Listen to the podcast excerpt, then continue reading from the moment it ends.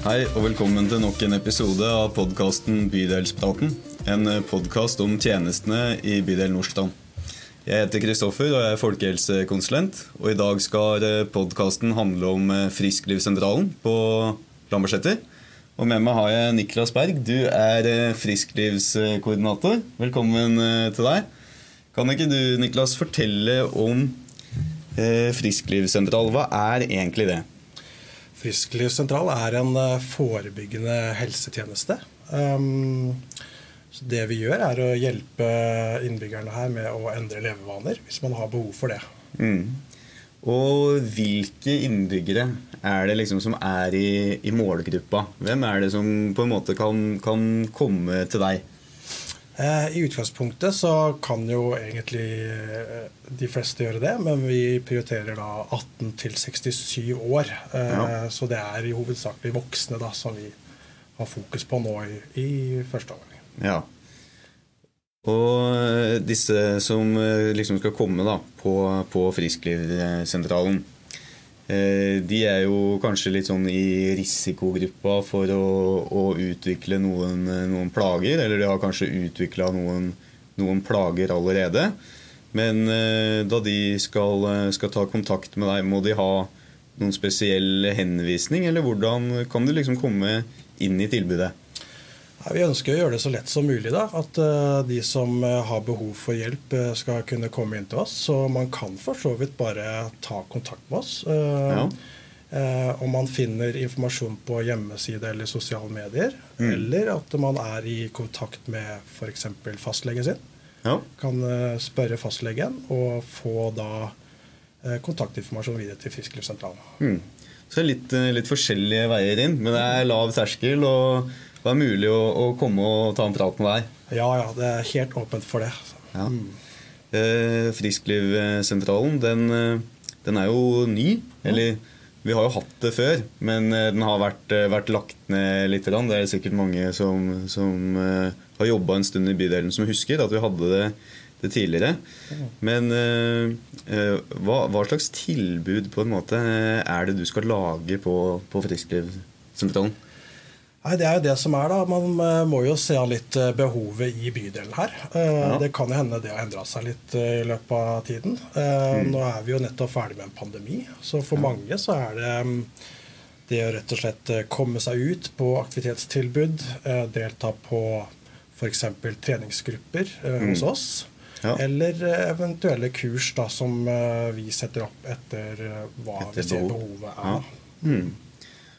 Og så eh, For de som liksom ikke er kjent med konseptet frisklivssentral, så er det jo på en måte en, en del sånne forebyggende og levevanekurs som på en måte Helsedirektoratet på en måte går, går god for, da, som skal liksom eh, være en del av, av, tilbudet. Kan du si noe om, om, hva slags type kurs det kan være?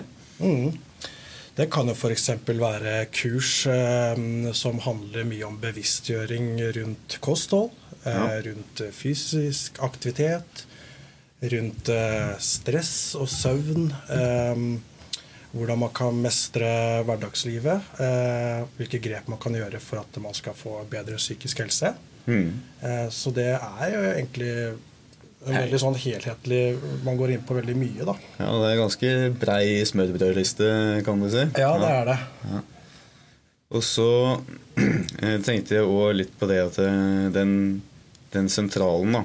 Mm. Da, da, man kommer i, i, i kontakt med deg, og, eller at man blir henvist fra, fra fastlegen, mm. så er det jo noe som heter eh, frisklivsresept, er det ikke det? Mm. Det er jo eh, frisklivsresept eh, som gjerne henvisere bruker, hvor man eh, har en resept hvor man kan krysse av for hva personen har behov for hjelp. Om det er mm. endre kostholdsvaner eller komme i mer fysisk aktivitet, eller om det er noe annet. Mm.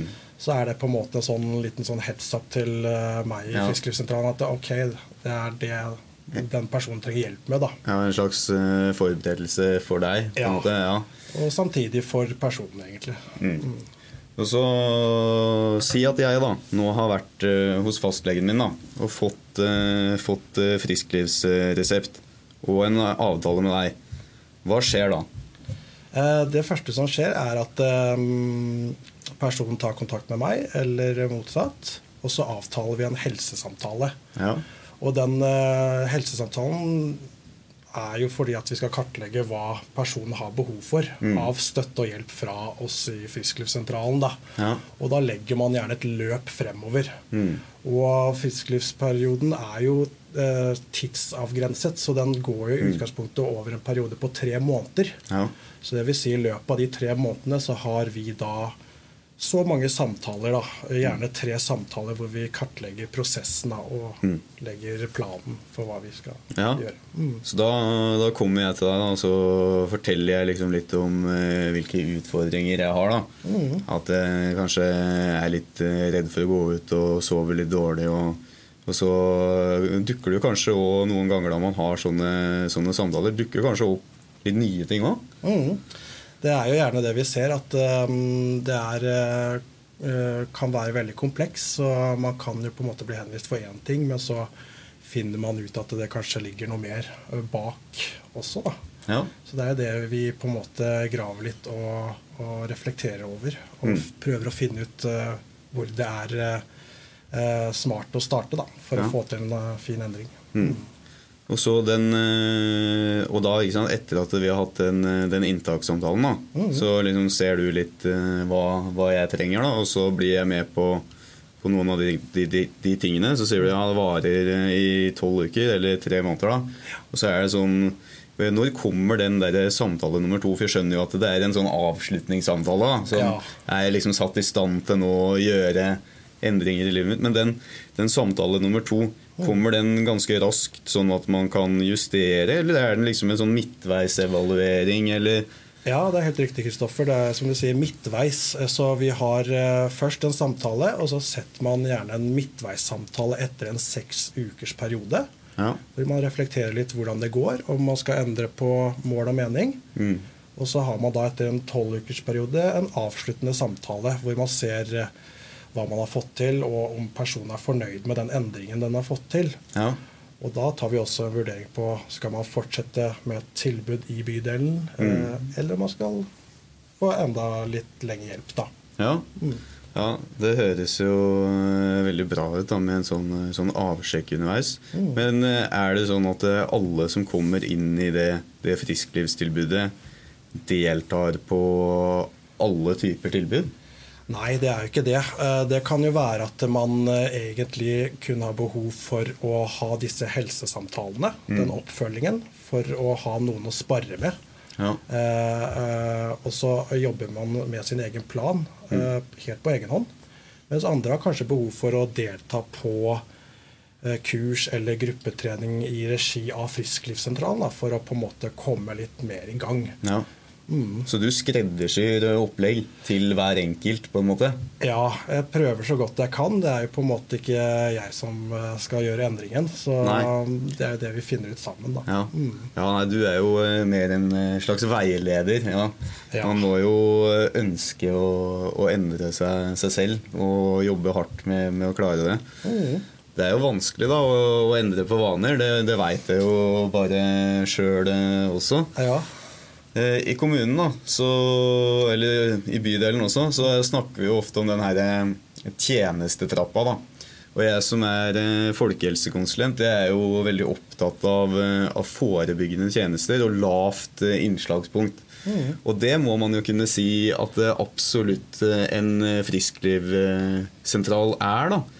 Og at man på en måte kanskje faktisk klarer å, å forebygge og ta tak i problemer så tidlig at man hindrer da, at man må gi tjenester på, på et seinere tidspunkt.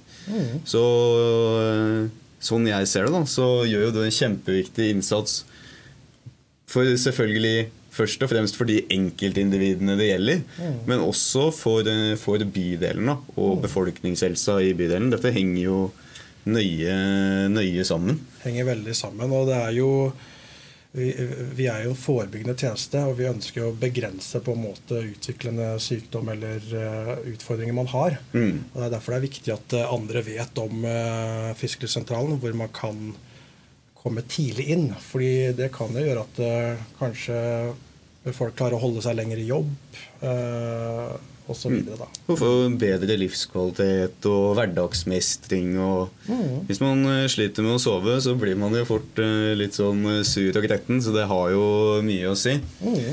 Jeg skulle ønske vi hadde litt mer tid, Niklas, for det er kjempespennende. Og jeg kommer til å invitere deg tilbake da du har vært oppe en stund, så vi får høre litt om, om hvordan dette arbeidet går. Mm. Gleder meg. Ja. Mm. Så takk for at du kom, og takk for at dere hørte på podkasten Bydelspraten. Vi er tilbake om eh, to uker.